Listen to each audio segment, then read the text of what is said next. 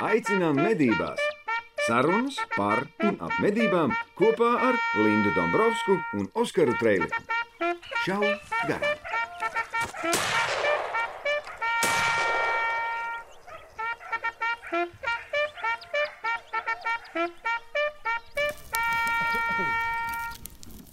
Lindai ir lēns internets, bet mēs esam šautavē mežģīrbēs. Mēs uztaisījām vienu nedēļu pārtraukumu. Nu, nosacīt, nosacīt. Nosacīt, nebija, nebija ierastā podkāstu epizode, bija video ekstra.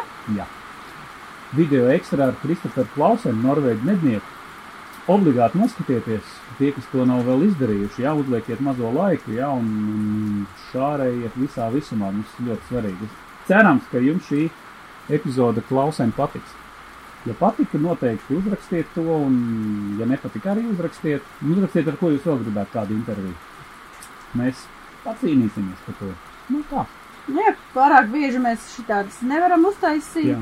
bet uh, Laiku pa laikam. laiks pa Noteikti. laikam noteikti varam. Bet uh, tiem, kam liekas, ka kaut kādu norvēģu veci klausīties nav interesanti, patiesībā noklausieties ir subtitri latviešu valodā, jo viņa dzīves uzskati ir un skatījums uz medībām ir patiesībā ļoti interesants un varbūt tās kāds sev no tā visa kaut ko iegūs. Linda. Tas meklē. Skaties, kur epizode? 74. Linda noteikti. Tā ir 74. Tā ir 74. Šī ir 74. epizode. Tie, kas vēl nav to sapratuši, noteikti, bet mēs jau zinām, tur ir rakstīts. vai ne? Mums jūg, lēnām jau, lēnām jūg, un mums jāsastādinās, kur tad epizode ir. Dotajā brīdī tiek ierakstīta, jo mēs ierakstām vienu interviju, mēs ierakstām ekstru, mēs ierakstām kaut kādus apskatus, un Mums ir video blogi, kur mēs apskatām dažādus uh, gadgetus, ekipējumu. eksperimentējam. Tad Jā. Mums ir video ekstras. Bija jautājums, vai mēs Spotify liekam klausenu. Nē, mēs neliekam, tāpēc, ka viņš runā angliski. Bet mēs varētu ielikt īstenībā. Jā, Cik bet tur tā atkal-? Bet ko mēs saņemsim komentārus par to, ka, kāpēc nav latviski? Skatieties tur, galu galā varbūt kāds arī angliski runājošs noklausīsies mūsu Spotify. Nu, varam pamēģināt epizodi. ielikt. Tas jau mums neko neprasa. Mēs to izdarīsim. Gaidiet, būs droši vien. Nu, Kaut kad būs. Jā, lietus līst. Kad Jā, braucu mēs- šejienes, spīdēja saulīt. Es cerēju, ka būs labāks laiks, bet Mēs labi, ka mums ir nojamīti jau kuru mēnesi. Jā, jā. vasaras mēs patiesībā filmējam ārā. Tāpēc, ka apstākļi tādi ir un parasti mēs nonākam šautavē mežģīrbes, kura Oskars šogad rīko kaut ko pavisam interesantu, piemēram, tikšanos ar lāci. Jā, droši vien. Es jau sāku domāt, tā, ko es rīkoju, kas tas tāds būs. Mans kolēģis tu zini, ir eh, Mārim, ir arī Facebookā varat apskatīties, Adventure Experts lapa, mājaslapa. Tā ir vietne, kur jūs varat apskatīties un atnākt ciemos pie mūsu šautu mežģības un izstaigāt vietējo apkārtni. Tad, tad pārgājienu maršrutu. Pārgājienu maršrutu vakarā varat palikt šeit pat šautavē uz vietas um, pie ugunskura vai uztaisīt telpu.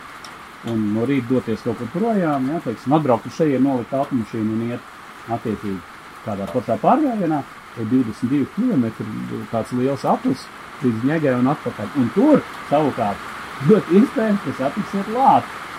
Viņš tieši tur arī dzīvo.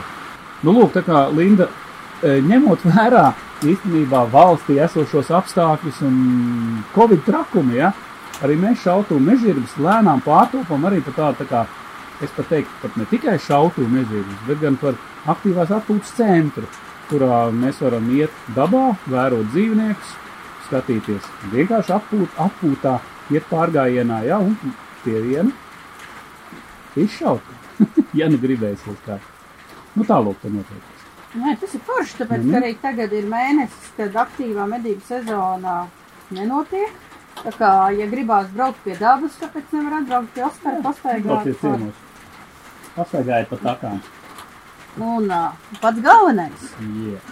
ir tas, ka šodienas epizodi atbalsta Medību saimniecības attīstības fonds, kura uzdevums, viens no galvenajiem uzdevumiem ir mednieku izglītošana. Ar fonda atbalstu tiek īstenoti tādi svarīgi projekti kā, piemēram, lūšu un vilku monitorings, raidījums uz meža takas, dažādi semināri, dažādi pasākumi, kuru mērķis ir izglītot medniekus. Un arī mēs esam šogad saņēmuši fonda atbalstu. Un šī epizode, Kā visas iepriekšējās 73 ir vērstas uz jūsu izglītošanu. Es domāju, ka jebkurā epizodē, man liekas, tādu izglītības dzirksti mēs varam piešķirt.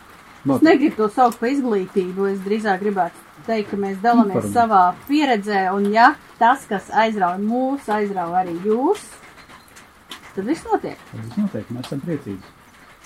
Mums šodien līst lietus, pila ūdens pilis, kā Oskars no rīta rakstīja, romantiska atmosfēra, Nu, ļoti jauki, ļoti jauki. bet mēs šodien runāsim par ļoti nopietnām lietām, par to, ka ir jāzina likumi, lai nebūtu problēmas ar policiju. Šā garām jaktei būt. Es šodien pārsteidzu Oskaru. Ar ko? Esot šautavējs pārsteidzu Oskaru, tāpēc, ka Oskaram bija pārliecība, ka jebkuros apstākļos šautuvē, praktiski jebkuros apstākļos šautuvē, pārvietojoties no viena šaušanas laukuma uz otru ar gustobru ieroci, var to pārnēsāt, kā saka, tautā salaustu vai atlaustu, un, piemēram, uz pleca. Nu, manā gadījumā vienmēr tas notiek manā klātbūtnē, ja? neatkarīgi no tā līdz ar to. Mm, visam it kā vajadzētu būt kārtībā, bet, bet Ir nianses. ir nianses. Pavisam nesen, sestdienā, atskan telefona zvans, un teksts ir tāds, ka Reizeknas šautuvē vienam šāvējam ir problēmas ar policiju. Bet tika veltīta pārlieku liela uzmanība tam redzam. Jā, tad jautājums, par ko ir runa? Jā. Izrādās, ka šāvējs ir gājis no viena šaušanas laukuma uz otru, kā es teicu, ar neiesaiņot ieroci, lūdzu to ierocis, kurš ir Labi. atlausts un ir uz pleca. Un šim šāvējam tajā mirklī tas bija nezinu, kā zibens no skaidrām debesīm par to, bet vienmēr taču tā varēja. Nu, Un viņš zvana man un prasa, ko lai dara. Policisti saka, es viņam uzreiz prasu, pēc kura punkta, pēc kura likuma tagad uh, nabaga cilvēks tikšot sodīts, jo viņam ir solīts ar protokolu. Jā, par, vēlreiz atkārtošu par to, ka viņš no vienas šaušanas vietas uz otru, Ne, no šaušanas laukuma. laukuma no viena uz otru ir pārvietojies ar neiesaiņot ieroci. Atvāsts, ielikts, bet nu, viņš iet vienkārši. Šautūs teritorijā. Nu, jā. Nav tā, ka viņš iziet ārpus šautūs Vai teritorijas. Šautuvē. Nu, tagad ir tā, ka policisti vēlas sas- sastādīt viņam protokolu par šo pārkāpumu pēc ministra kabineta noteikumiem numur 494. Šautuvu izveidošanas un darbības, kā arī treniņu šaušanas un šaušanas sporta sacensību norises un drošības noteikumu. 57. punktu. Kas pasaka skaidri un gaiši, melns uz balta, latviešu valodā, citēju, ieročus izņem no makstīm, somām, pārvalkiem vai kastēm, tikai pēc šāvēja izsaukšanas uz šaušanas līniju un tikai šaušanai paredzētās vietās, gaidīšanas vietās. Tas ir kuros brīžos? Ne, nu, nu, tas Ja ir kuros brīžos? Nu, nē. Mēs paliekam pie tā, ka policisti Šo saka, punktu. Jā. Ar Ok. balstoties Jā, uz šo punktu, tagad cilvēkam tiks sastādīts protokols par to, ka staigā. Nu jā, un tas, kas ir, tas, kas ir uh, šajā sakarā ieroču jautājumā, jebkurš pārkāpums vilksies līdzi, tā kā lāsts. Problēmas. Nu, jā. Jebkurš nākamais jau, es nezinu, pārkāpumiņš jau būs skatīts, tiks skatīts daudz nopietnāk. Bet, ja mēs atbrauc tagad uz šautuvi, un tas sastāda administratīvo pārkāpumu. Principā par to, nu, par ko? Nu jā, jo viņš ir pilnīgi cilvēks un pilnīgi pārliecināts, ka ir ievērojis visu drošības prasības, tā kā vienmēr. Tagad es arī tajā mirklī samulstu, jo, nu, es likumus noteikums pārzinu, bet uh, es nekur neesmu dzirdējusi par to, ka nedrīkst pārvietoties. Nē, nu, es ar pa to pašu tā. tā. Mans nākamais jautājums. Jums ir sacensības vai treniņi? esot treniņu šaušana. Un tur ir tā atšķirība. Tāpēc, ka šajos noteikumos punkts 57. ir zem nodaļas šaušanas, sporta sacensības un to drošības noteikumu. Ja. Savukārt iepriekšējā nodaļa ir treniņu šaušana un šautavē ievērojamie drošības noteikumi. Aha. Un zem šīs ceturtās nodaļas par treniņu šaušanu un drošības noteikumiem neviena vārds nav teikts par to, ka ir jābūt ir iesaiņotam. Tur ir teikts tā, 40. punkts nosaka to, kas ir aizliegts. Ir aizliegts ārpus šaušanas līnijas izņemt ieroci, gatavoties vingrinājumu izpildē, tēmēt, mērķos vai cita priekšmeta virzienā, neatkarīgi no tā, vai ierocis ir pielādēts vai izlādēts, izņemot gadījumu, ir sama, saņemta šaušanas instruktora atļauja. Nianse. Niansīte. Ļoti būtiski, starp citu. Mana atbilde nabaga cilvēkam, kuram tagad policija taisās sarakstīt, pasastādīt Protokolu. ir tāda. Saki viņam, ka tev ir treniņu šaušana, kas arī bija tajā situācijā šaušana. konkrēti treniņu šaušana, un ka ir saņemts, saņemta instruktora atļauja pārvietoties no viena šaušanas laukuma uz otru šādā veidā. Tas tikai būtu loģiski. Un uz ko viņš atbildēja? Beidzās viss labi pēc pusotras stundas diskusijām. Policija noskaidroja un, un ā, saņēma informāciju, ka tā ir treniņu šaušana. Lai gan man ir informācija, pēc tam policija rakstījusi vēl šaušanas federācijai, pieprasot paskaidrojumus, vai tā tiešām bijusi treniņu šaušana. Mhm. Uh, un uh, protokols netika sastādīts. Laimīgā kārtā, un es pat dzirdēju, ka policija esot atvainojusies šim šāvējam par to. Bet nabaga cilvēkam reāli Stress. psiholoģiskā trauma, stress. Viņš vienkārši saka, man vairs šodien nav nekādas vēlmes Nu, Trenēties. trenēties. Piedāvām vēl viņš ir braucis no Rīgas rajona uz Reizekni. Kaut kāds trakums. Nu, un tagad ir jautājums viens no vienas puses. Kāds bija policijas uzdevums šajā gadījumā?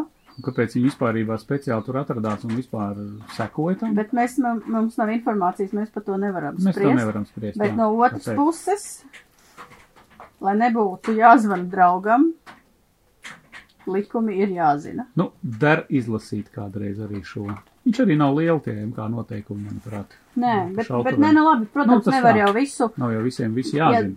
nevar visu zināt no galvas, bet vienmēr ir telefons un internets, vienmēr var likuma LV apskatīties, vienmēr vajag uzprasīt policijai, pārliecināties, pamatojoties uz kuru normatīvo aktu un kuru punktu šis pārkāpums it kā ir noticis, jo parasti jau tā, ka inspektori atbrauc un vai policija un pasaka vienkārši saskaņā ar ministra kabineta noteikumiem, un tad tā informācija tad- tik daudz, vienkārši stress, un tu pieņem, ka, Ka ir tā tam jābūt, jā. Nu, jā. Un ja jūs tiešām nepiekrītat šim lēmumam un uzskatāt, ka protokols ir sastādīts par nepareizi, tad nekad uz protokolu neparakstieties, bet vienmēr pierakstiet klāt nepiekrīt. Nepiekrītu un parakstieties, jā. Viena nianse, viena nianse, nianse ir tāda, uz ko arī iekrita Oskars, ka vecajos noteikumos kaut kāds Jā, viens no jā. 90. punktiem bija tāds, ka ar gulstobu ieroci par šautuvi Drīkst. var pārvietoties ar at Drīkstēja, atvāstu. jā. Tagad Taisnība. šis punkts nesaprotam iemeslu dēļ ir izņemts ārā no noteikumiem, un, bet pastāv šis 40. punkta 10. apakšpunkts, kur ir teikts, ka to var darīt, ja ir saņemta šaušanas instruktora atļauja. Jebkurā gadījumā arī man kā šaušanas instruktoram nāksies tūlītās šķirstīt un vēlreiz studēt šo te, šos te noteikumus, jo es bišķiņ dzīvoju iepriekšējos noteikumos ar galvu. Tā kā, jā, būs jāizlas, tur ir nianses jūt. Nu, kā jau izskrēja cauri, bet tu nepievērš tādām niansītēm uzmanību, līdz nav noticis kāds precedents, kā šis, jā, kā. Tieši tā. Un uh, precīzāk visi šie punkti un pamatojums ir atrodams žurnāla medības māja numurā pie rubrikas jautā lasītājs, kur ir oficiāla valsts policijas atbilde, Par šo jautājumu. Jā, okay. ko sagatavoja mūsu kolēģis Indovs Burka. Tā kā šādās situācijās nevienmēr var vicināt žurnāla medības, jo tas nav oficiāls dokuments, bet jums ir informācija un jūs varat atsaukties uz konkrētiem normatīviem aktiem un konkrētiem punktiem, un šādā veidā var būt tās pat pārsteigt pašu policistu. Galu galā Ir patīkami pārsteigt policistu ar zināšanām. Vai ne? Lindas, Lindas fakti. Ko, draugi mīļie? Mums ir uh, neizsīkstošā rubrika uh, laiku no laika, raidījumu no raidījuma. Nevienmēr. Nu, nevienmēr, jā, bet Līna šodien padalīsies ar kaut ko ļoti, ļoti interesantu saistītu ar tībām. Es ceru, es ceru, jā, Mhm. ok, kaut kas būs forši. Nu, tā kā pieteikšu, dāmas un kungi, Lindas faktī. Čibriu!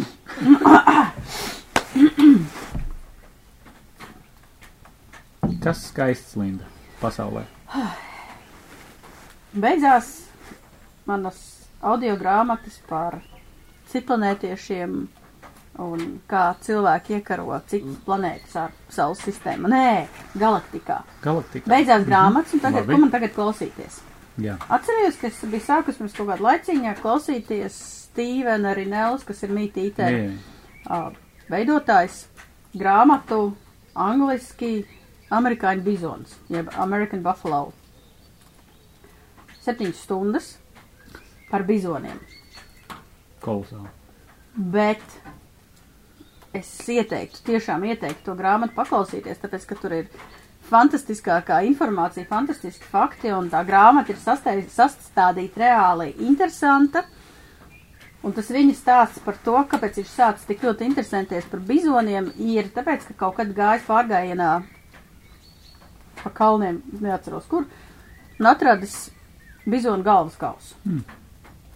Un tad ir uh, gadiem ejot vācis informāciju, līdz beidzot vienā mirklī ir dabūjis iespēju aizbraukt un arī Aļaskā vienkārši vaiprātīgos apstākļos to dzīvnieku arī nomedīt. Bet tur ir vairāki interesanti fakti par šo dzīvnieku. Un to visu klausoties arī rodās ies, tad vēlme, ka varbūt kādreiz varētu aizbraukt, bet tas ir šausmīgi sarežģīti. Uz Aļasku? Nu, bizonu medībās. Uzreiz tu, tu klausies par to aprakstu, kā viņš stāsta, kā viņš ir medījis, kā meklē, kā atrod. Nu, visi tā, tas viņa piedzīvojums, plus vēl tā vēsture, kādā veidā viņi gandrīz Amerikā to bizonu likvidēja, kāpēc, kāds bija iemesls, kā tas viss atjaunojās. Un tagad daži fakti vienkārši, kas ir palika kopā ar mani pēc grāmatas noklausīšanās, vai vienkārši klausoties grāmatu, es tā fiks, piefiksēju, o, tas ir interesanti. O, piemēram, bizona āda vai spalva ir šausmīgi bieza. Ir tur kaut tūkstoši, tūkstoši matiņu uz vienu kvadrātcentimetru. Interesantākais ir tas, ka matiņu skaits nemainās dzīvniekam izaugot. Tas nozīmē, ka uh, teļam Viņš viņš ir šausmīgi pūkais, un Jā. viņš izaug liels. izstiepjās. Tas viss izstiepjās, bet tik un tā to matiņu ir šausmīgi daudz Bies. bies, lai to dzīvnieku pasargātu, jo bija kaut kādi pētnieki, kur mēģināja vairākām govveidīgo sugām noskaidrot to augstumu tolerants līmeni. Viņi ņēma Skotijas kalnu govis, Tibetas govis, bizonu esot salikuši, ielikuši tādā tā kā zirgu trailerī, laiduši augstumu un līdz kaut kādai pakāpei, kur uh, mainās dzīvnieku vielmaiņa, kad sāk tērēt vairāk enerģijas, cik es saprotu to procesu. Tur Tibetas govis padevās, Skotijas govis padevās, neviens nevarēja uztaisīt to kasti tik augstu, lai bizons sasniegtu savu to augstāko augstumu tolerances Lai, lai līmeni. viņam kļūtu nekomfortabli. Jā, jo, jā, jo viņam visu laiku procesi bija tā iekšējo procesi par to, ka viss ir reāli forši. Nu, tas viņam karsti, tanī, tanī, tanī biezajā, biez, tad mirdomais, cik viņam biezi ir un, un blīvums kāds tiem matiņiem, ja? Nu jā, un viņiem ir vēl, Spalva tiem dzīvniekiem ir speciāli tā trahēja izveidot tāda, ka gaisu, aug, ieelpojot ļoti augstu gaisu, uh, gaiss sasilst. Līdz ar to plaušās nenonāk Mm, šausmīgi augsts gaiss, kas, protams, tos iekšējos orgānus var sabojāt. Bet lielākais bizo nāves cēlonis patiesībā ir ūdens. Tāpēc, ka viņi, tad, kad Amerikā bija miljoniem, miljoniem bizonu, kad likās, ka nav iespējams tos izmedīt, un tad izmedīja pāris dekāžu laikā vienkārši. Bet bija tā, ka kaut kādos apstākļos 4000, 2000 bizonu nonāk pie upes, vai nu iestiek dubļos, vai Jā, vai tiek kaut kur plūdos pārsteigti, un tad visi tie dzīvnieki esot tecēji, nu tā kā pludinājušies beigtie lejā pa upi tūkstošiem, bet vienlaicīgi bagātinot to vietējo ekosistēmu. Esot pat bijuši sanesumi no bizoņu ķermeņiem tik lieli, ka pāri tiem gāja citi bizoni pa, tā kā pa tiltiņu, bet tas ir ekosistēmas sastāvdaļa, ka, Daba tā, noteikti. daba iegūst kaut ko arī no šī procesa. Pat pilnīgi tādā negaidītā veidā, iedomājies. Tā kā, tā kā dzīvnieki mirst tūkstošiem, bet uh, tas ieguvums Nu, tā patiesībā ir lielāks. Tur tiltiņi, tad ir lāči pārtikuši no Nu, tās tur uzreiz gaļas, ir- un, uh, un uzreiz ir citas sugas gūst milzīgu ieguvumu no tā. Vēl viens interesants Hmm. fakts no tā paša uh, Stīvena piedzīvojuma, ir, ka viņam izdevās bizonu nomedīt, bet viņš atradās Aļaskā LR attā čukņā, kur vispār nekādu kontaktu vispār nav nomedīt bizonu. Viņam vienam pašam tas nenormāli lielais un smagais dzīvnieks ir jāapstrādā un jānes pa gabaliem ārā uz savu novietni. Novietni. Nu, viņš tā kā, kur, viņš var vienā reizē aiznest vienu kāju principā. Bet tā doma bija tāda, ka tad, kad cilvēks atdziest, tad, kad cilvēkam iestājas hipotermija, un hipotermija patiesībā ir viens no lielākajiem nāves cēloņiem vispār Salā. Jā. salā, tad ir tāds paradoks, ko sauc par paradoxālo izģērbšanos, ko piedzīvoja arī pats Stīvens. Viņam pēkšņi mm. viņš bija laikam nosalis, sajūtās šausmīgāko drudzi, un augstumā norāva nos drēbes, atgulās, un viņam palika vēsi. Izrādās, un viņš bija gulējis un atcerējies par šo faktu, un tad saprata, ups, ko es daru, un tad viņš bija iedomājies, iedomājies ā, virsraksts avīzēs, ka viņš ir atrasts nesaprotam dēļ mežā izģērbies, un Liks. visi viņi ir no, būtu nosaukuši pa stulbu, ka viņš tā izdarījis. Bet izrādās, ka tad, kad cilvēks nosalst, tad asinis tiek tā kā atkāpjās uz pašu ķermeņa visu to centru, lai uzturētu siltus iekšējos Nu, orgānus. Visi tie kapilāri sarāvušies, bet kapilāri nevar ilgstoši būt tādā maziņi sarāvušies. Vienā mirklī viņi atslābst, un tās asinis atkal atplūst atpakaļ. Un tajā mirklī, par spīti tam, ka patiesībā cilvēks ir pārsalis, nosalis, viņam liekas, ka paliek šausmīgi karsts. Karsts. Un tajā mirklī cilvēks rauj nos drēbes, un ir atklāti šausmīgi daudz gadījumu. Nu, labi, mums tas īsti nedraud, bet ir atklāti šausmīgi daudz gadījumi, kā ā, cilvēku atrod ar hipotermijas pazīmēm beigtu, bet viņš ir izģērbies. Un to arī sauc par paradoxālo izģērbšanos. Tā kā, ja jūs esat mežā, jūs Jā. esat nosalis, un vienā mirklī paliek karsti, Neģērbieties nost. ne, nevelciet nost apģērbu. Kādā gadījumā. Silta kā- tēja un vēl vairāk apģērbs. Tā kā patiesībā zinot šādas lietas, patiesībā tu vari izglābt sev dzīvību, Dzīvību. sev vai citiem izglābt dzīvību. Tā kā es ieteiktu, ja, ja interesē šāda veida grāmatas, piemēram, audiblē tajā ā, lietotnē, ko es lietoju un klausos grāmatas, nav šausmīgi daudz grāmatu par medībām, bet šī ir viena no visinteresantākajām. Tagad es klausos, turpinu klausīties par bebriem, tas ir kaut kāds ārprāts, es mirstu no, garlaicības. Kā var tik neinteresanti par bebriem stāstīt? Nu, viņiem tur Bet tas ir cits interesanti autors, bebri bet, bet tā grāmata, ko Stīvens sarakstījis, ir absolūti mani aizrāva tā, ka es negribēju viņu likt nost. Grāmata ir angļu valodā. Tā kā tie, kas zina angļu valodu un grib papildināt savas angļu valodas zināšanas, man Un liekas, vispār zināšanas. lieliski, lieliski iespēja. Ieiet kaut kādā citā pasaulē, kas ir patiesībā kaut kāds paralēls, ko tu vari vilkt ar to dzīvesveidu, tu patiesībā ļoti ievelcies tajā stāstā, jo tas, viņš arī stāstīja, ka, piemēram, indiāņi izmantojuši praktiski visu no nomedītā bizoņa. Mm, domāju, Nu, tā kā, nu, ne no visiem dzīvniekiem, bet viņi var izmantot, piemēram, urīnpūsli, pēc tam var izmantot kam? Mm, Kā mūrīna pūsliņu var izmantot? Ko dara urīnpūslis? Kā ko savāc no šķidrumu? Nu, Tā tad. Urīna pūsli kā maišeli, lai ūdeni pārnēsātu. Kolosāli. tieši tā.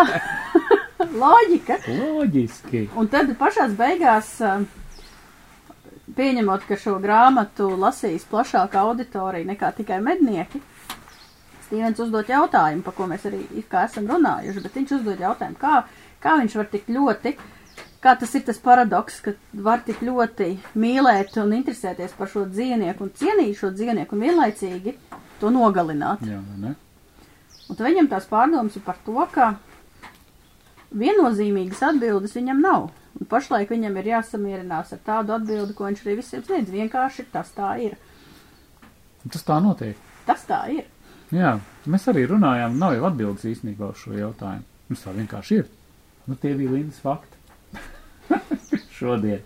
Tas ir ļoti interesanti. Paldies, Linda. Noklausies to grāmatu. Obligāti. Tās medību apraksts ir vienkārši aizraujošs. Super. Bet viņš arī tā, Kādēļ viņš sāk izdarīt? ņemt par tēmām, visu laiku atstāja intrigu, un tad tu no tās tēmas gaidi, kad tas turpināsies, jo viņš arī noteica tā savu bizoņu vecumu, izrādās kaut kāds 1770. gads apmēram bijis.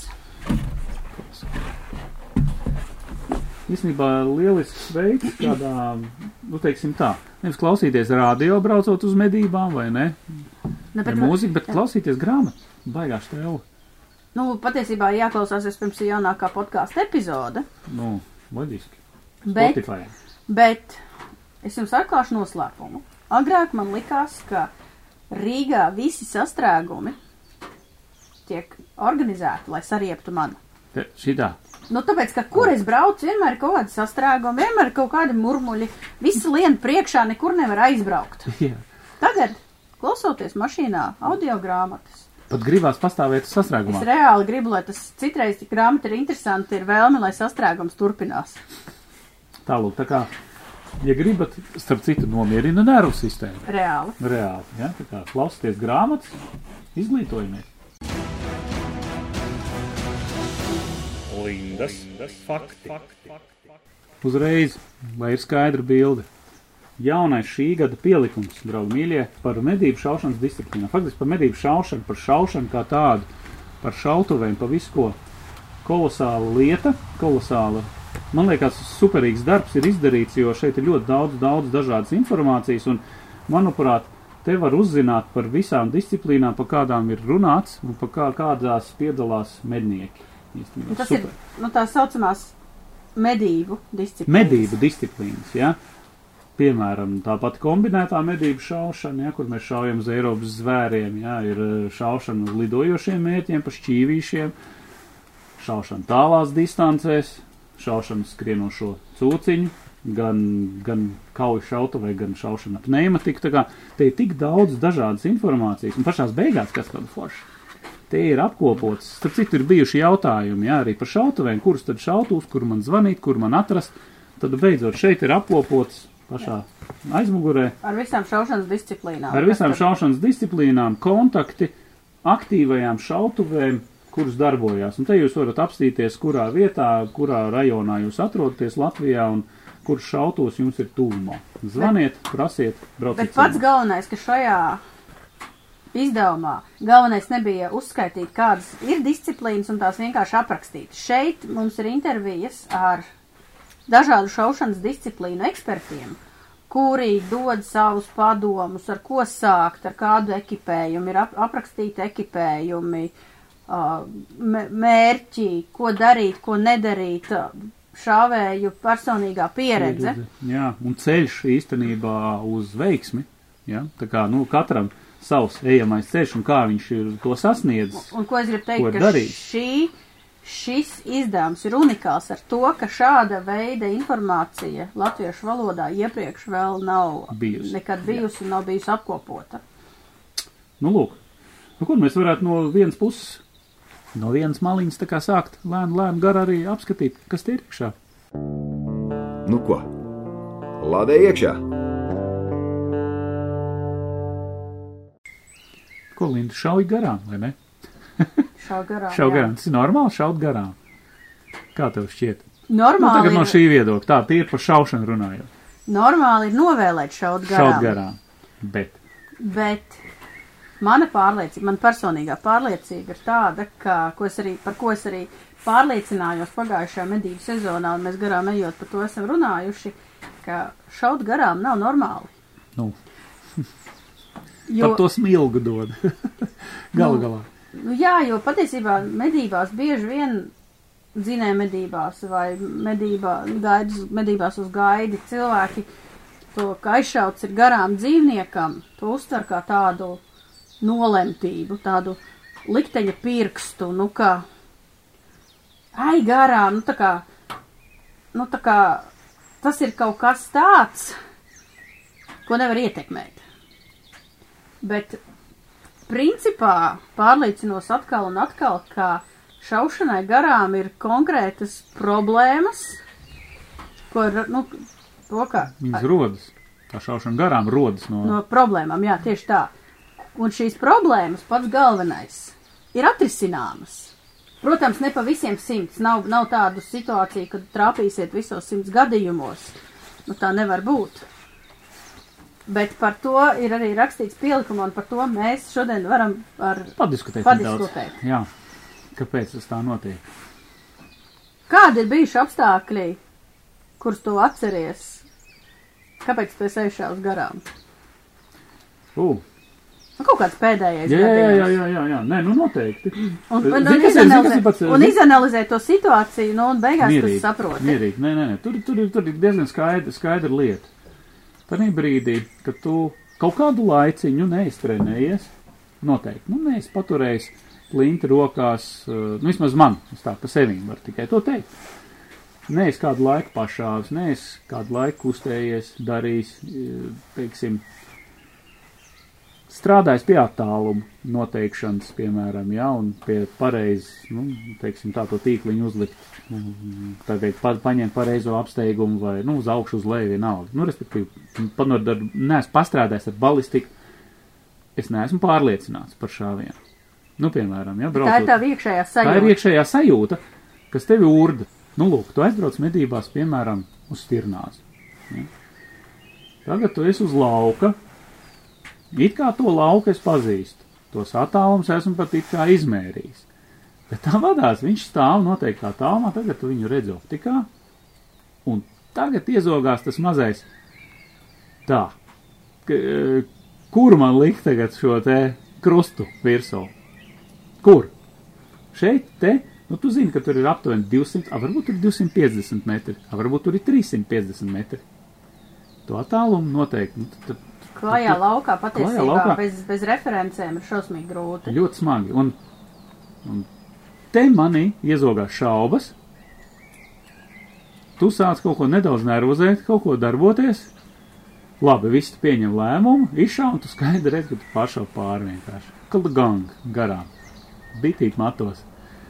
Nu, ā, jā, kas tas ir? Nu, protams, ko tu dari?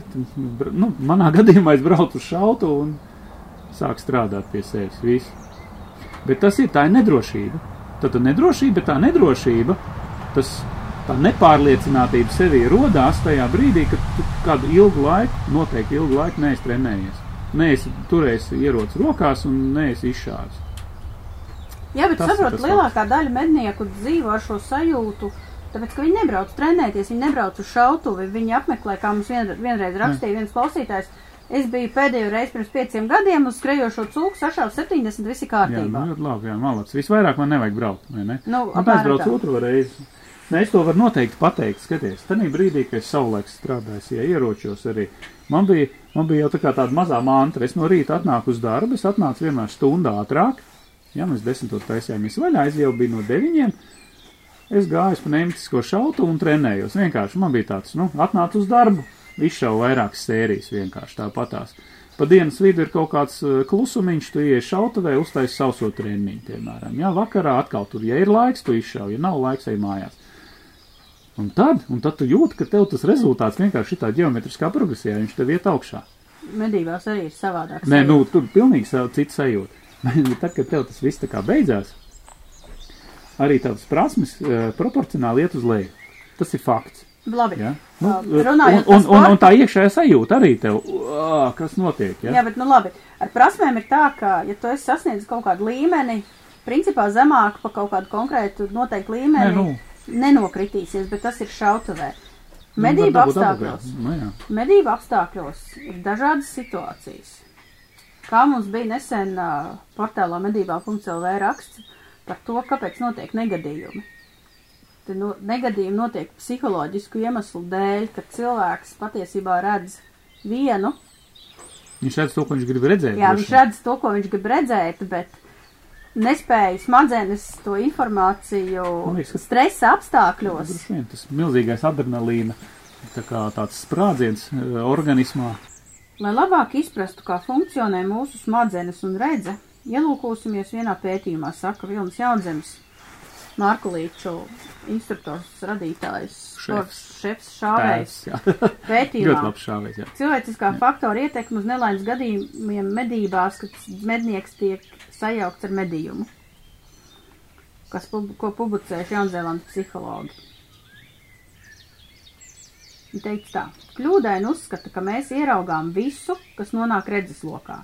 Tiesa mūsu acis teorētiski spēja uztvert visu notiekošo, tomēr, kad šī informācija nokļūst līdz smadzenēm, kas strādā kā filtrs, apziņā nonāk tikai svarīgākā daļa no šīs informācijas. Šis fenomens nav paredzēta kļūda, bet gan dabisks process, kas neļauj smadzenēm tikt pārslogotām. Pētījumi pierādījuši, ka cilvēks var nepamanīt pat šķietami būtiskas izmaiņas apkārtējā vidē. Piemēram, kāds eksperiments, kurā dalībniekiem lūdz vērot basketbola spēli, kur pēc brīža labi redzamā vietā tiek nostādīts gorilla. Lielākā daļa vērotāju, kas koncentrējuši savu uzmanību uz spēli, ainā neiederīgo figūru pat nav ievērojuši. Tas pierāda to, cik viegli ir neievērot šķietami nozīmīgas apkārtējās vides detaļas, jo mūsu prāts tobrīd ir aizņemts ar ko citu. Šādā Situācija. veidā. Nu, jā. Situācija medībās. Situācija medībās. Man iznāk staldriešu būlis, dzinēja medībās, 100 metros. Līst lietus, es esmu pārsalusi, un viss vienkārši riebjās, viss viss ir reāli slikti, un iznāk staldriešu būlis, un staldriešu būlis nostājās ar krūtīm. Tas šāviens, es ļoti labi tajā mirklī apzinos, ka tas šāviens nav, nu, nav no labākajiem, bet es pieņēmu lēmumu tomēr šāvienu raidīt. Es nospiežu sprūdu mēlīti. Es redzu, ka trāpu, jo iznāk no sāniem tvaika mākonis, dzīvnieks sagriežās. Un es skaidri atceros, kā viņš iet starp diviem kokiem, nu tā kā diviem puduriem uz lauka, kas ir tā kā uz labo pusi. Un es esmu pilnīgi pārliecināta, ka es esmu izšāvusi uz to dzīvnieku otrais starp šiem diviem puduriem. Un kad dzīvnieks aiziet pa labi, tagad rācijā paziņoja, ka ir šāviens, pēc masta mans tēvs atved man suni, sirsniņam GPS, nav sniega, ir lietus, ir dubļi, mm -hmm. neko nevar saprast. Es uzlieku sirsniņu uz pēdu, un sirsniņš nevis aiziet pa labi, Labi. kurus es pilnīgi pārliecināta, ir aizgājis dzīvnieks, bet sirsniņš aiziet pa kreisi, taisni, pēc 130 metriem apstājās, un es saprotu, Tur ka tur ir būs. Un mana pirmā sajūta ir, kur tas suns iet, Vai ne? Bet suņa degunam ir jāuzticās, jo suņa deguns nemelo, un viņš aiziet pilnīgi tur, kur ir gājis būlis. Būlis negāja pa labi. A, tu redzēji, ka viņš aiziet pa labi? Jā, es pilnīgi atceros man acu A, priekšā. kas tad aizgāja pa labi? Vienkārši vizuāli. jautājums kas tev, kas aizgāja pa labi? Nekas neaizgāja. Tā, viņš Vienkārši vienkārši viņš kā gāja, un tev liekas, ka viņš aizgāja. Bet īstenībā viņš aizgāja. viņš aizgāja šitā. Nu, jā. Nu, tā kā es viņu redzēju starp tiem kokiem, Nu, ejot jā, jā, jā. projām. Ā, nu tā, jā. Viņš nu. iet tā, un man ir pilnīgi skaidra apziņa manā prātā, liekas, ka ka viņš viņš aizgāja. pa labi Jā, šitā. nu, jā. Un suns atrod dzīvnieku tur. Nu ko, pārlādējam! Nu, jā, mēs uzburam ainiņu, kādu mēs gribam redzēt. Piedāvā vēl tie apstākļi, stress, milzīgs tiešām tāds adrenalīns, kā lai saka, tāds sprādzieniņš, izšļāciens, tā teikt, organismā, un tu jau vienkārši redzi, ko tu redzi. Nu, kādēļ, nu, tā arī, ko, Jā, par ko runāja. Stīvens tavā grāmatā. Jā. Ka mums acis ir izvietotas nevis tā kā bizoņiem, zirgiem un briežiem sānos, redzētu. jo viņi redz, redz jā, gan liels. 90% sev apkārt. Jā, jā, Jūs reaģējat uz jebkuru kustību, jo tas ir plēsējs, kas viņiem uzbrūk. Mums, kā plēsējiem, cilvēkam acis ir atrodas priekšpusē. Mēs nedaudz redzam tikai sānu. Mēs redzam mazāk nekā 50% savas apkārtnes vienā mirklī. Nu, jebkur arī, kur tu skaties, tu redz apmēram tikai 50, nu, pa 50%. Nu, respektīvi, mēs neredzam apkārt sev. Jā. Bet mums ir tas, ka mēs skatāmies uz priekšu, un tad, kad mēs ieraugam mērķi, tad mūsu smadzenes uztver tikai to mērķi un neredz to, kas ir apkārt. apkārt, apkārt no tā Un sanāk. tādēļ šajās situācijās ir šausmīgi grūti novērtēt distanci tieši uz medījuma dzīvnieku leņķi, redzēt jebkādu Aizmugurē. šķērsli, kas ir starp mums, un jebko, kas atrodas aiz. Tas ir vēl pat svarīgāk, arī ļoti svarīgi. Redzēt, kas ir aizmugurē, un saprast, kas ir aizmugurē. Tā ir tāda viena, viena no droši vien ļoti svarīgām lietām. Ziniet, kā fotogrāfiem ir tāds, te, nu, tā otrais plāns, jā. Jāredz tas otrais plāns, ir jāizjūt, jāsaprot, kas tur notiek.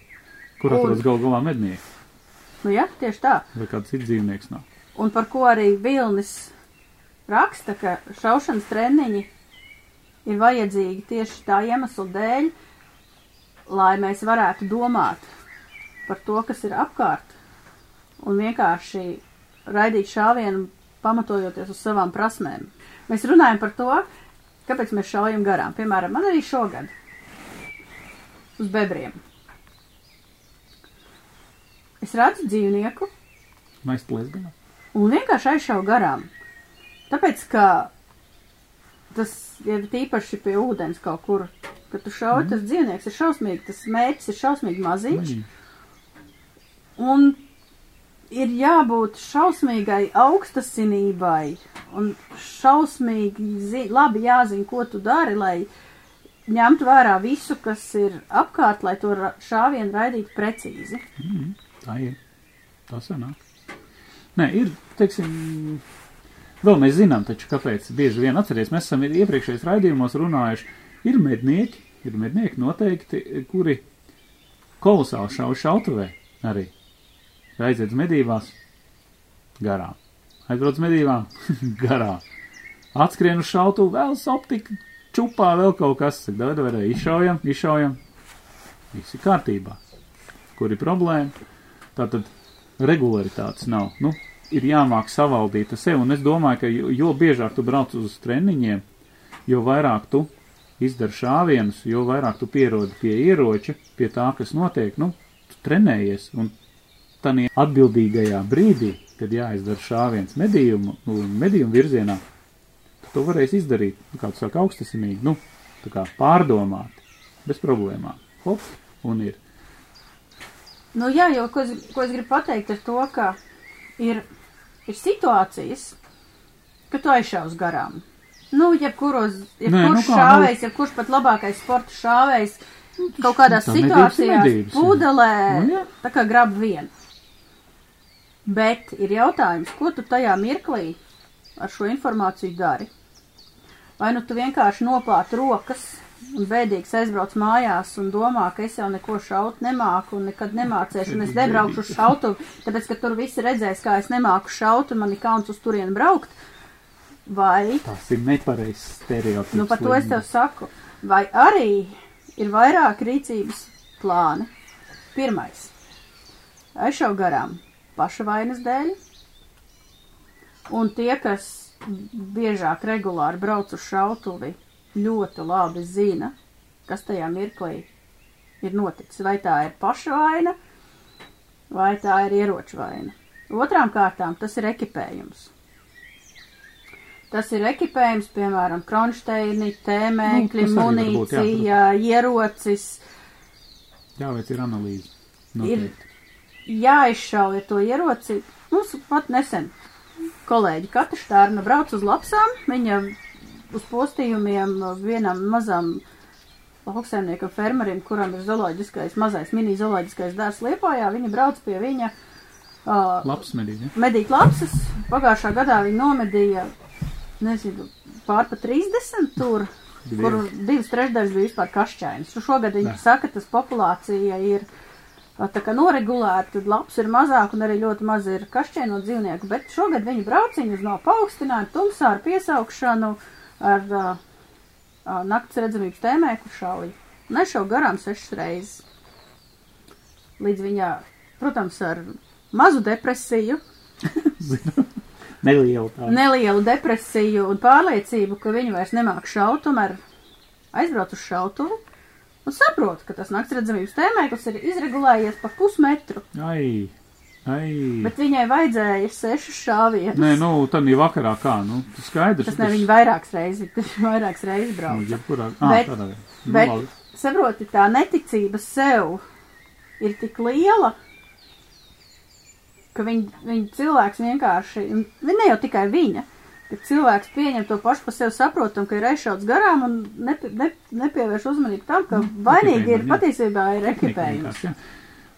Šautavē mums tā tā, laika pa laikam tas tā notiek, atbrauc klients, saka, nu tā, tā un tā, kaut kas nav īsti, paskatāmies. Un tad ir, tas ir pirmais, tu uzreiz izēj cauri, tā kā, tā kā ABC jau, zini, tā kā no A līdz Z, izēj cauri visam ierocim, visu pārbauda, apskaties, vai tur viss kārtībā, un tālāk tā solīt pa solītēm, ejam uz priekšu, skatāmies, kur ir problēma. Tā kā, jā, tas tā vien, bieži vien, starp citu, ļoti bieži.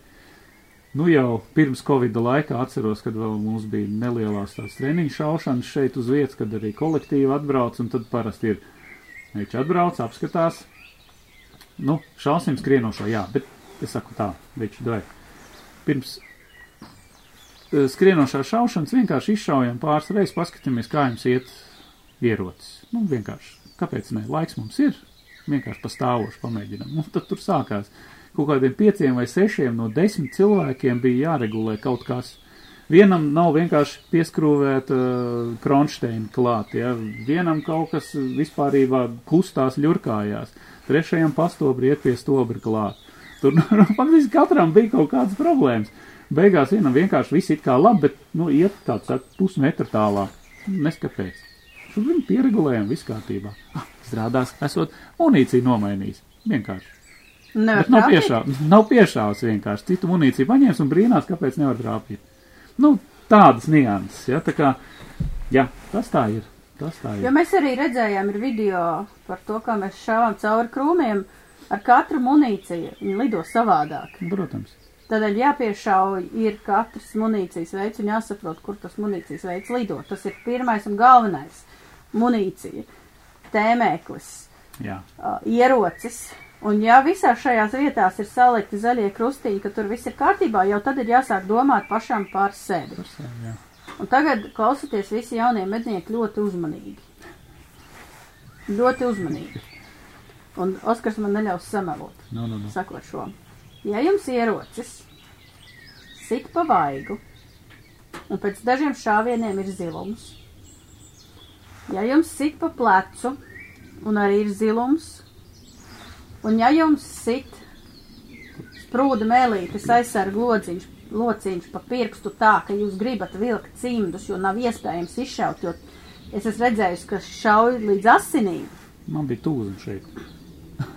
no MC, MC2121. Nu jā, bet tev nesit pa Nē, vidēju man viņš pirkstu. vilka visu laiku, jā, nenormāli pretī Tāds. sajūta tā bija.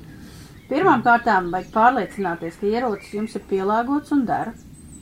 Otrām kārtām pārliecinieties par to, vai jūs pareizi to ieplecojat. Jā. Un vai ir pareiza tehnika. Es nekādā gadījumā neteikšu, ir cilvēki, kuri sakostiem zobiem sevi moka, ciešās un saka, ka viņiem ir jāšauj pašiem ar savu ieroci, bet patiesībā tā problēma ir nu, jūs to problēmu iedzenat sev dziļāk. Ir vienkāršāk ir atrisināt problēmas ar ieroci, saprast, vai tas ir pielāgots, vai pareizi ieplecojat, vai pareizi turat, vai pareizi nospiežat spūrūt mēlīt, nekā fiziski sevi mazohistiski ietekmēt līdz zilumiem un asins izliešanai, kas beigās beidzās tikai ar vienu, ko es saucu par sistas sievas sindromu. Tas ir kā. Sistas sievas ir. Nu kā, nu, vai jau baidās pacēla roku. Jau... Nu, tieši tā. Tajā mirklī jau, kad tu paņem ieroci, acis jau miedzās ciet, Jā, jā, griez jā, jā, projām galvu, gaidi to šāvienu. Tev taču ir stāsts par Man ir stāsts, man ir stāsts. Izstāsti jā, to. jā, jā, tas, tas bija pneumatiskajā šautavē. Atnāca pie manas draugs, un es zinu, ka manam draugam ir, um, ir ierocis, jā, 300. vinmaks viņam ir kalibrs, jā. Uh, Ierocis bez visādiem mīkstinātājiem, bez kikstoperiem, bez klusinātāja, ja, nu, iedomājies, ja, kā ir. Nu, viņš pie manis Vēl, ar vēl piedāvām es pateikšu, tas ir ļoti gara auguma cilvēks Jā, gara. ar ļoti mazu plinti. Plinti, jā, nu karavīnai laid, vajadzēja pielāgot, tas ir viens, jā, gara, viņš bija divi metri. tagad, tagad viņš pie maniem te ir izšāvies, viss kārtībā, un tagad atbrauc uz pneumatisko šautuvu. Es saku tā, labi, tagad nostājies, izdarīsim tā. Es saku, lai tu redzētu, pēc tam varētu panalizēt savējo, nu, savu kustību. Mēs šāvām desmit metros uz skrienošo cūciņu. Jā, es saku, tagad, ok, viss stāja, viss pareizi, nu, es tagad filmoju, filmēju. tagad, tad brīdī, kad viņam jāizdara ap pneumatiku, iedomājas ar, ar PCP saspiestā, nu, gaisa plinti, kur, kur principā nav atsitienu pēc definīcijas. Atspērēji pat vēl ir atsitiens. tagad viņš iepleco, un tagad spiedienu brīdī ir kaut kas šitās, jā, tad jā, tā ir pirms pašāvis, ka, jau, klau, kas tas ir? Es nofilmēju parādu, saka, redzi? Es saku, kā, kā, es pat to nepamanīju. Cilvēks nepamana jau to, ka viņam jau ir bailes iedzīts no tā baigā blieziena pa plecu, pa seju. Nu, es saku, nu, draugs, šeit ir jātrenējas, un tagad jādzen tas ir ārā. Tā kā Tas ir nepielāgots ierocis, ja, bez, nu, protams, bez kikstopera, bez klusinātāja, ja, vēl milzīgs kalibrs, un viņš ir blietē tā kā rāmur pa, pa plecu, nu, tas nav patīkami. Nu, un, un pastāsti, ko šitās te tā viepšanās, raustīšanās, notirināšanās šajā galā spiežot sprūdu mēlīt, ko tas nozīmē? Nu, tādā galā tas ir vispār ārpus mērķi. Nu, desmit metros noteikti. Tas ir, nu, iedomājies, ka tu jau pra praktiski tanī brīdī, kad tu velc sprūda mēlīti, tu jau pat vairs neredzi mērķi. Ja? Un tanī brīdī tu pirmkārt norauj, kaut kur, kaut kur aizvelc. Jo pneimatikā desmit metros tu zini, nu, nedaudz maza kļūdiņa un tur tais ārpus mērķi viss. Ja? Visi jāizdara ļoti plūstoši un vienmērīgi saslēdzoties kopā, ja? bet tur jau, tur, dum, dum, dum, zini, tā kā šitas te sūdz ventilatorā. Nu, kaut kā tam līdzīgi. Jā. Nu, trenējās, trenējās, te jau kaut kā savilka to visu, jā, bet ko darīt, vai ne? Ko darīt? Jābrauc uz šautuvi un jāpielāgo ierocis. Patiesībā labā ziņa tāda, ka, piemēram, pneumatisko plinti nav pat jābrauc uz šautuvi mājās, mājās laukos, trenējas. uzliec mērķi ar mazas jaudas jā. gaiseni, papīra mērķi, nezinu, buņģas. Vienkārši. Da jebko nu, uzliec aizmugurē kartonu kasti kaut kādu dēli un vienkārši šauj, kamēr ragi taisni paliek, kā es saku. Starp, starp citu, sen neesmu piesaucis man draugu Vladimiru. starp citu. Starp citu, ko es ik pa laikam satieku šautavē, ja kas? Jā, jā, jā, viņš jau man atskaitās, kā viņam gāja. Varat. Nu, lūk, Vladimirs sev, starp citu, tieši, jā, savā mauriņā, pie, piemājas mauriņā ir uztaisījis, viņš pat uzbūvējis eh, pneumatikai speciālus mērķus, tādas kastes, tādas tā kā, kā es saku, tā kā sekcijas plauktiņi, tādi, tādi šauri, vēl izgaismojas ielicis led gaismiņas iekšā, lai tumšajā diennakts laikā, teiksim, pēc darba viņš varētu trenēties. Viņš tur saliek 10, 20, man liekas, pat uz 30 metriem un no rokas šauja trenējās. Superīgi. Sargādīja to, ka Es atgādinu to, ka šodienas epizode ir sadarbībā ar Medību saimniecības attīstības fondu, kura viens no lielākajiem un svarīgākajiem mērķiem ir mednieku izglītošana. Jā. Un par šo pašu tēmu pēc mazas pauzītes. Šā garām jaktei būt. Tagad izstāstīšu mednieku stāstu. Tieši par, par, par to, par ko es rakstīju, par ko mēs citējām. Vilnis teica, Vilnis Jaunzems par to, Jā. ka tu redzi to, ko tu gribi redzēt. Jā, nostāst. Vienā no klubiem pieredzējis mednieks vasarā, nu jau, diemžēl, viņš vairāk medīt nevar, bet vasarā dodās pilnmēnesī labībā medīt meža cukas. Kalniņā, dabīgais paaugstinājums, pilnmēnesī visu var redzēt, viss ir skaisti, un viņam kaut kādos 150 metros iznāk koilas. Viņš tur no mašīnas, no šitā, no tā, tomēr paņem, iekārtojās, izšauja. Koils nokrīt. Cilvēks ir pārlaimīgs par to, ka ir nomedījis meža cūku. Visiem zvana, vai brauciet palīgā, baigais koilis. Mm -hmm. Aizbrauc, pieiet klāt, tur guļ ienācums. Forši! Labi. Šā, šis stāsts ir par to, Tu uzbūri ainiņu atkal, vai ne? Es uzbūru ainiņas. Tas šis Ne, nu, stāsts ir par to, ka Jā. pirmais un galvenais un visgalvenākais nosacījums, kas ir jāievēro jebkuram medniekam, ir šaut uz skaidru redzamu mērķi. Man jau liekas, pirms zvanīt draugiem, aiziet apskatīties, ko es nomedīju. Man vai kaut kā tā, tā droši vien. Tas ir vēl svarīgāks moments, vai ne? Nu jā, protams. Bet, Skaidri redzams mērķis, loģiski. labi, viņš to mērķi redzēja, bet viņš skaidri redzēja meža cūku. Viņš, Bet ir, viņš redzēja to, ko viņš grib redzēt. un tieši tā, un tādēļ ir ārkārtīgi svarīgi, ārkārtīgi svarīgi vienmēr paskatīties vienreiz, divreiz, trīsreiz.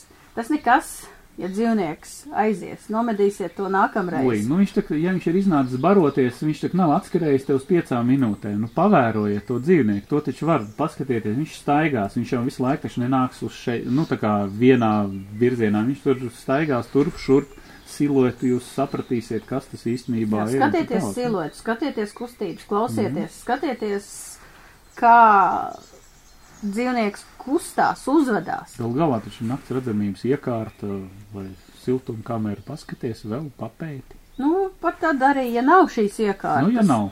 Un var skaidri redzēt. Ar binokli. Jo tā kā mēs Aiziet. atgādinām par to gadījumu Lietuvā, cilvēks bija simtprocentīgi pārliecināts, ka šauj uz bebru, Bebru. bet tur bija nelegālais ūdenslīdais.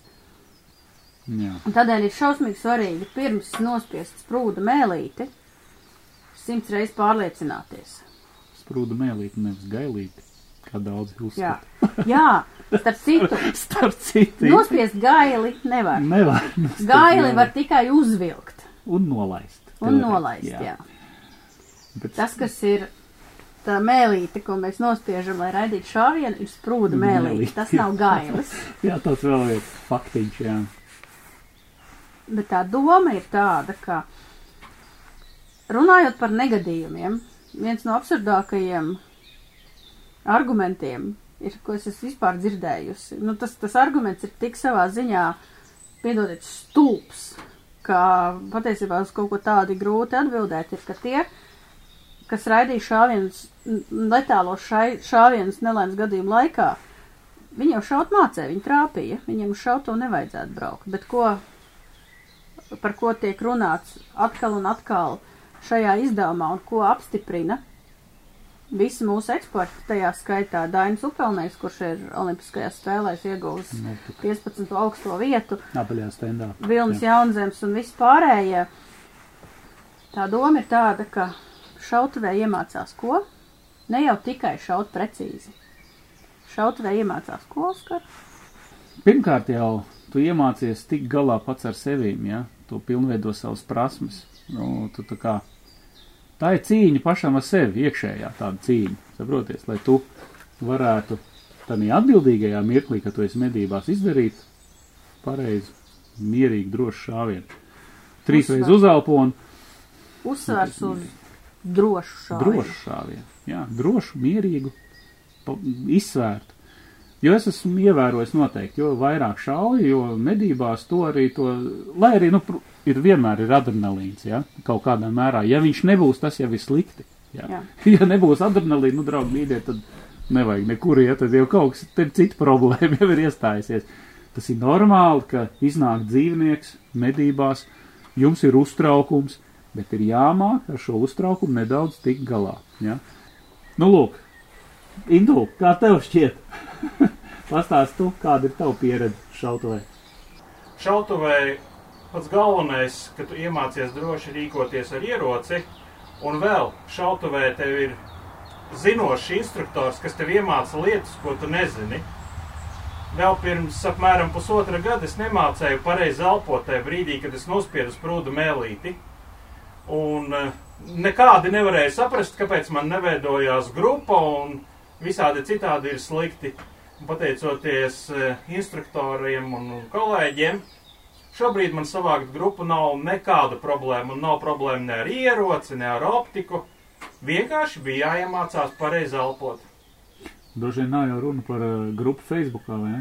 Bet, bet gan par šāvienu grupu. Protams, Oskar, runa ir par eh, šāvienu grupu mētī.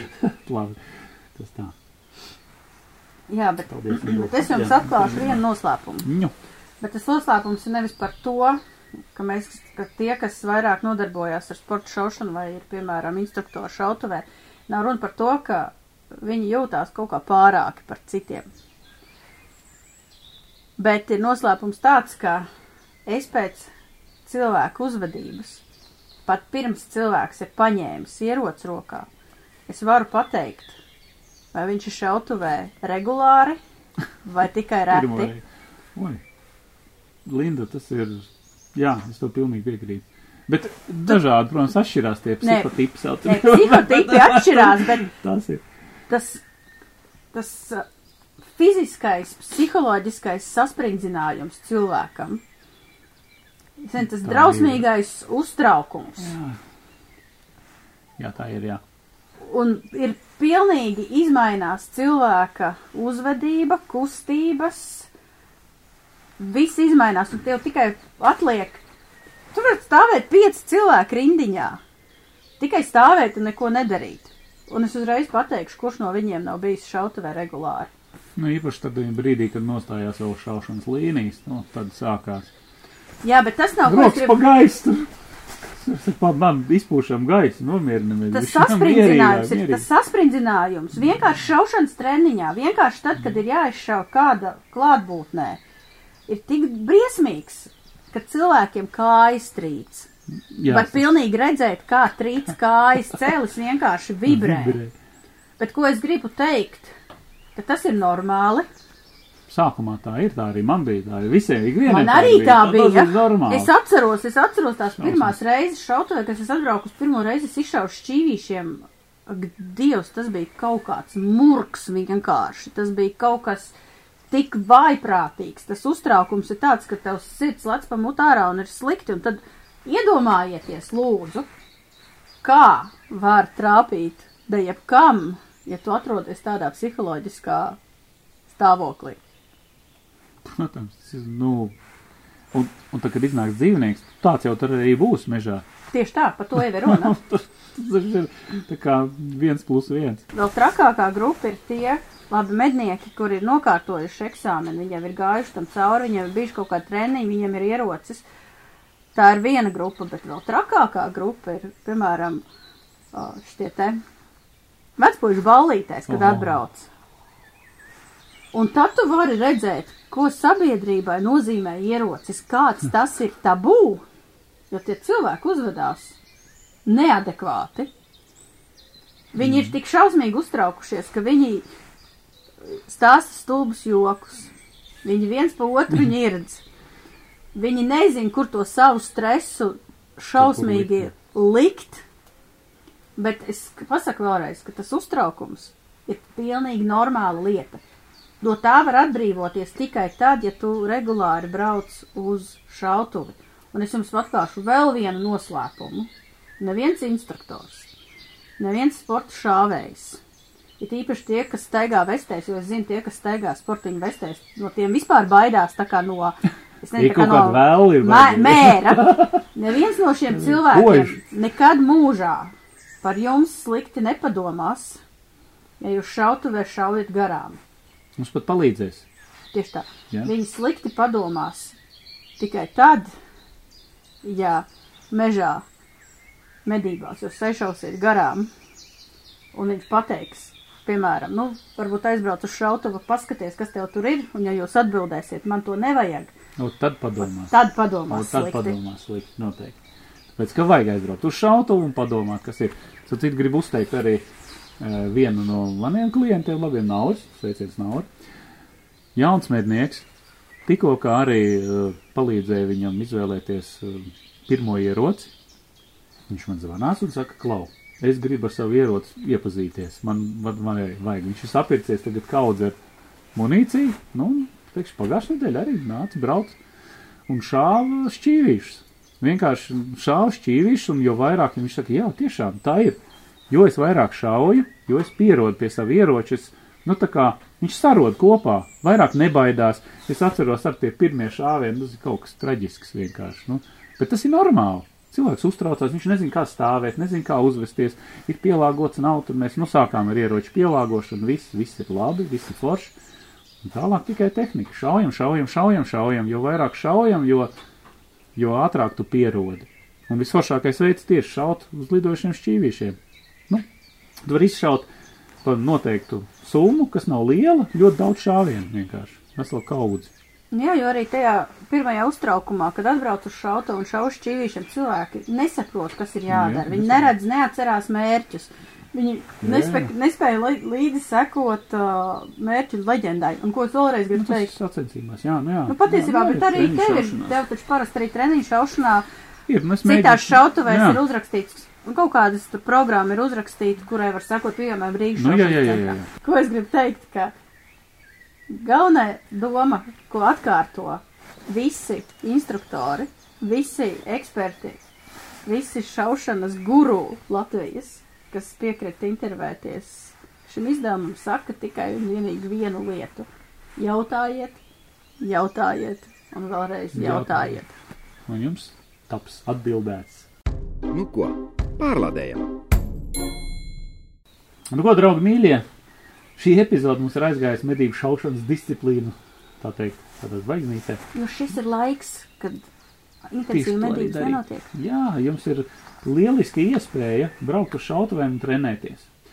Rezumējot visu šo, es jums ieteiktu tā, nu, paņemiet šo, izlasiet. Katrs, es domāju, un kat, katrs no medniekiem, katrs atradīs kaut ko jaunu sev. Arī pieredzējuši mednieki, kuriem liekas, ka viss ir kārtībā, es domāju, ka atradīs ļoti daudz interesantas informācijas. Šeit ceru, ka kaut kas aizķērās arī jums. Tas, ko mēs jums stāstam, katru reizi Lindu mēģinam jau 74. reizi. Uz kodējam. Mēs Kodējam, kodējam. kodējam par to, Jā. lai jūs brauciet uz šautuvi. Jā, brauciet, uz šautuvi. Brauciet uz šautuvi. Liekiet laikus, liekiet laikus, jā, neaizmirstiet standarta komplektiņš, laiks, abonējam, neaizmirstiet par to zvaniņu, jā, katru reizi, kad kaut kas jauns iznāk. Kaut gan jūs jau zināt, ka trešdienās no rīta vienmēr ir jaunā šā garām epizode. Šādā vai citādā formātā. Jā. Un pats galvenais. Abonējiet un lasiet žurnālu medības, jo tas mums Tas ir ļoti svarīgi, jo tas ļauj mums veidot uh, interesantus, bagātīgus materiālus arī video un arī portālā, tāpēc, ka žurnāls ir pamatu pamats. Paldies visiem, kas šogad jau ir abonējuši, jo mums ir milzīgs abonementu skaits, tie, kas izvēlējās abonēt kopā. dabūju šo pirmie. Jā, Padām! kopā ar pielikumu. Jā. Būs vēl otrs pielikums Šogad. šogad. Jā, tas būs. Vasarā būs otrs pielikums, jo tie, kas vēl to nav izdarījuši, var abonēt vēl kopā ar vienu pielikumu Kāds būs pielikums? Ja tas ir noslēpums? Mm. par trofejām. Jā, bet sīkāk kādreiz citreiz. Jā, Jo to vēl viss. un pats pats galvenais, tad, kad YouTube iet reklāma, neslēdziet ārā, Jā. uztaisiet savu kafiju. Jā, kaut kā tam līdzīgi. Mēs to novērtēsim pēc tam ļoti noteikti. Ceru, ka jums patika šī epizode. Epizode sadarbībā ar Medību saimniecības attīstības fondu. Šaujiet garām. Un jaktē būt. Ņemamies nost. Masts beidzies.